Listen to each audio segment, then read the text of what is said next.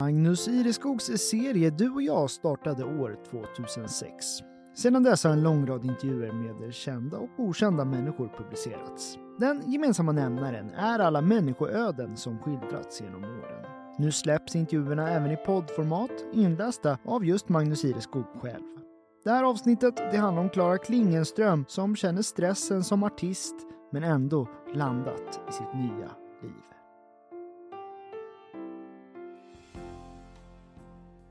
Äntligen har Klara Klingenström fått ta emot priset som Årets gotlänning 2021.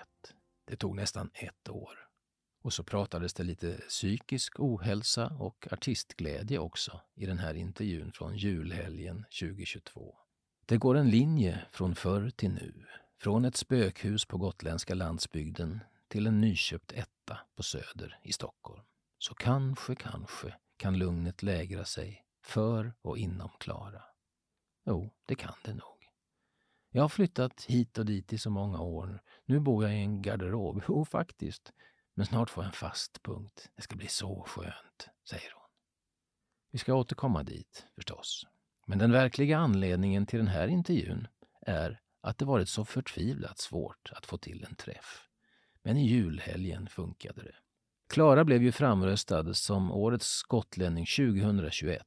Det tillkännagavs i februari i samband med uppvaktning på skivbolaget i Stockholm. Men själva priset har hon inte fått, inte förrän nu. Priset brukar eh, delas ut i offentliga sammanhang men saker har kommit i vägen, överenskomna tider har flyttats. Men till slut, Klara, får du den här skulpturen tillverkad av konstnären Sanni Laurin. Ett pris från alla de gotlänningar som röstade på dig. Ja men tack! Och så fin! Vilken skulptur! Den ska upp på väggen i nya lägenheten. Och tack verkligen till alla som röstade. Jag är så glad, så stolt.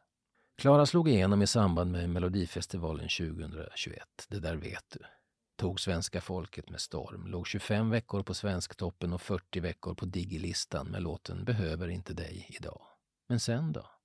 Jo, sen dess har låten slutat spelas i radio, i alla fall i den mängd som under första sommaren. Och Klara har jobbat med sin musik som aldrig förr.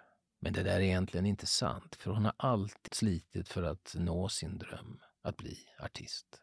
Men definitivt har hon arbetat på ett annat sätt nu när hennes namn blivit etablerat och hon faktiskt skriver för en publik.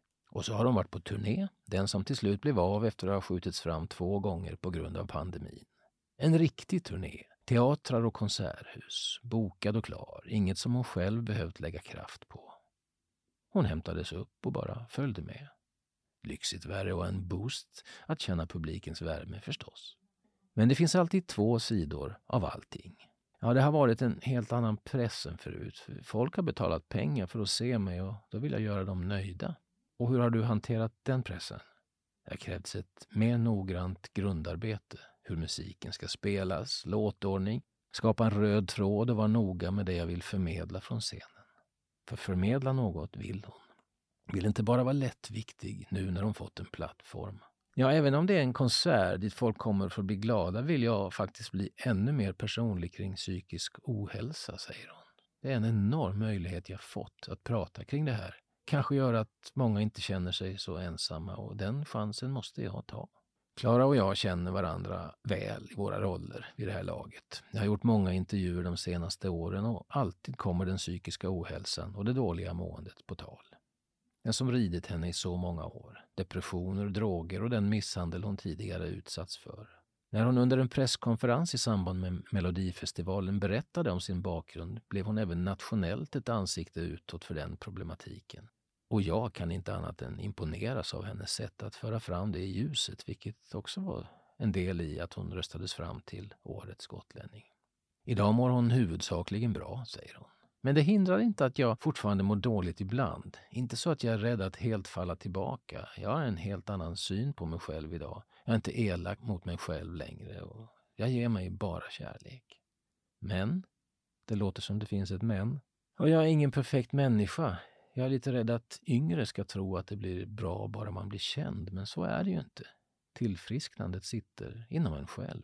Att bli den hon blivit, en slags symbol för den psykiska ohälsan, är viktigt och ansvarsfullt. Så tycker hon. Och hon vet ju vad hon talar om.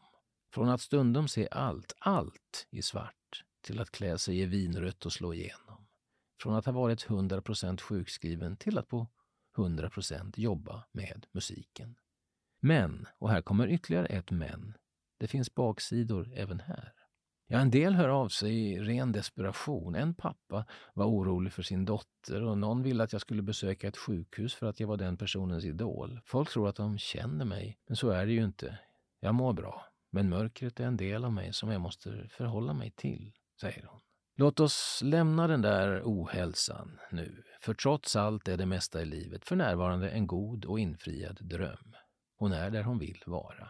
Snart två år, Klara, har du landat i livet som artist och offentlig och igenkänd person. Både ja och nej. I vissa delar är allting självklart. Det var hit jag skulle. Men att vara igenkänd, det är fortfarande lite märkligt, även om jag vant mig. Hon slog ju igenom över en natt, som det brukar heta. Dagen efter hennes första melloframträdande vände sig folk efter henne på gatan. Jag plåtade mobilen. Jag tänkte, vad är det för fel på folk? Jag tog upp min mobil och plåtade tillbaka innan jag fattade. Men att till slut ha nått artistdrömmen då, är det som du trodde? Nej, inte? Jag trodde, naivt kanske, att man skulle leva i lyx och glam, skrattar hon, men jag är faktiskt helt slutkörd och hinner sällan ta det lugnt. Jag är liksom artisten hela tiden och kan aldrig riktigt koppla av. Folk verkar inte tänka på att jag faktiskt är en vanlig människa också. Lyxproblem, Klara. Jo, jag vet. Men det är så skönt att ha mina gamla vänner och inte minst de i familjen. Som känner den riktiga Klara och som tycker att allt som hänt egentligen är lika sjukt och märkligt som, som jag tycker. Ja, en vanlig tjej är hon ju, trots allt. En som gärna sover länge om hon kan, hänger med kompisar och går till affären emellanåt. Eller ja, jo, ja det gör hon ju. Men ibland har det varit knapert i börsen. Ja, jag vet att någon gång bad jag syrran swisha en tia så jag kunde köpa nudlar. Jag la allt fokus på musiken och drog inte in några pengar alls. Men nu är det annat, eller hur? Ja, nu har jag det bra. Det har jag. Så du kan unna dig en pizza. Vad blir det då förresten om du äter en pizza? Det blir en specialare med ost, vitlök, räkor och citron. Jag frågar vad hon gör när hon är ledig och då är hon, säger hon, ledig riktigt ledig. Då ligger hon i soffan som en strandad säl och kollar på TikTok. Försöker hitta tid att träffa kompisar, pojkvän, familj. Familjen är det viktigaste. Det betonar hon ofta. Inte minst sedan hon försonats med sin pappa på dödsbädden under sensommaren 2020 har hon insett dess värde. Det gör faktiskt lite ont i hjärtat att jag inte har mer tid med dem än jag har. Mamma och syskonen, och mormor och morfar, de är så stolta och glada och jag är så glad över de band vi har. Det betyder så himla mycket för mig. Vad lyssnar du på för musik för närvarande? På sistone har jag hittat tillbaka till Beatles igen. Jag lyssnade mycket på dem när jag var mellan 12 och 16 ungefär. Och Daniela Ratana, hon är bra. Kanske dags för dig att ta plats i Så mycket bättre, eller? Ja, det vore himla kul. TV4 får gärna fråga. Musiken ja. Även om hon tidigare arbetat på restaurang och fik och som personlig assistent är det musiker hon innerst inne är och alltid varit. Ända sedan hon skrev sina första sånger i det där spökhuset. Jo, vi ska komma till spökhuset. Från barndomen fram till nu och in i framtiden. Förra hösten kom debutalbumet Klaras dagbok. Många av låtarna på den skrevs i tonåren och det var verkligen en dagbok från ett till dels sårigt liv. Flera berättelser ur ett svart hjärta. Bland annat fanns där låten Behöver inte dig idag. Den som tog henne dit hon är, men som också lägger en skugga över tillvaron. För hur ska den framgången kunna upprepas? Hon säger att hon länge levde på kicken. Det gav. Överallt, i alla radiokanaler hördes låten. I realtid kunde hon följa hur mycket den lyssnades på. Sakta men säkert, när hösten kom, försvann den från radiorotationen och hördes mer och mer sällan. Hon berättar om den otroliga stressen det var. Jag hamnade i en livskris, det var så. Ett förhållande tog slut och så den där kicken, det var, det var som att tända av. På sikt påverkade det också hennes sångskapande. Genombrottslåten och alla andra tidiga låtar skrev hon för sig själv. Nu fick hon plötsligt en jättepublik och insåg att hon från och med då faktiskt skrev för andra. Och jag skulle så gärna vilja vara med om det igen, att det blir så där stort. Ibland är jag lite sugen på Mello igen och få gå in i den där bubblan. Just nu skriver hon låtar för ett nytt album. Lite poppigare, mer upptempo. Sånt som fäster hos publiken från en livescen. Tre singlar har hon släppt under året. Den briljanta Håkan Hellström-covern Nu kan du få mig så lätt. Lancelot Hedman-duetten Jag vill inte ha dig tillbaks. Samt singeln Hångel på balkongen. Titeln kom som en rolig fras, men hånglats på balkonger har det minsann gjorts genom åren. På Gutekällans terrass, inte minst, berättar hon. Nåväl, en del eh, tv-program har det också blivit. Hon är rutinerad nu och rör sig ledigt mellan kamerorna. Under 2022 bland annat Lassemans veranda och Lotta på Liseberg och Go'kväll. Och till det alla andra intervjuer. Hur trött är du på det, Klara, att intervjuas? Det är ofta trevligt när det väl sker, men det tar också en del kraft. Man måste hitta en tid och behöver kanske ladda en del innan. Men jag antar att det är en del av jobbet som måste göras. Så hur trött är du på mig? Jag är inte trött på dig. Jag är trött på mig. Jag pratar om mig, det tas bilder på mig, mina låtar handlar om mig, det är bara jag, jag, jag. Men samtidigt är det lite roligt, det måste jag säga.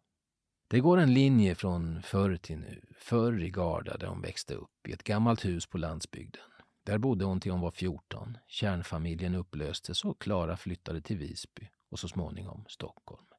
Idag har de tre syskonen tagit över spökhuset, barndomshemmet. För jo då, det spökar där. På riktigt. Hon kan inte säga att det är annat än på riktigt. Ja, det går i dörrar och en gång knackade det så tydligt på ytterdörren utan att någon var där. Och en gång när jag höll på att sjunga in en låt började det spela piano på nedervåningen fast, jag, fast det bara var jag i huset. Det hörs till och med på inspelningen. När man är ensam kan det kännas lite läskigt men det verkar vara snälla spöken. Jag är så himla glad att vi har huset kvar. För närvarande bor hon alltså i en garderob i Stockholm, en lägenhet utan dusch som hon delar med andra. Men snart är det dags för inflyttning i hennes första egna bostad. Den hon kunnat köpa tack vare sina musikaliska framgångar. En etta, 25 kvadrat på Söder. Litet men naggande gott som det sägs. Och med såväl dusch som replokal. Jo, faktiskt, två repor finns i huset. Märkligt. Som om det vore meningen. Och här är hon nu, Klara. Just prisad med det finaste priset av alla. Det som innebär att hon älskas av gotlänningarna. Och det bästa av allt. Hon älskar numera sig själv. Hon är den hon är, full av passion för musiken och önskan att den ska bära henne framåt. Men ibland, säger hon, ibland kunde jag önska att det inte var riktigt så mycket på liv och död. Men jag är så glad att jag har musiken i mig. Det är min väg. Det finns verkligen ingen annan väg för mig. Ja, gillar du också Magnus Ireskogs intervjuserie Du och jag så finner du fler avsnitt på helagotland.se under poddar och program.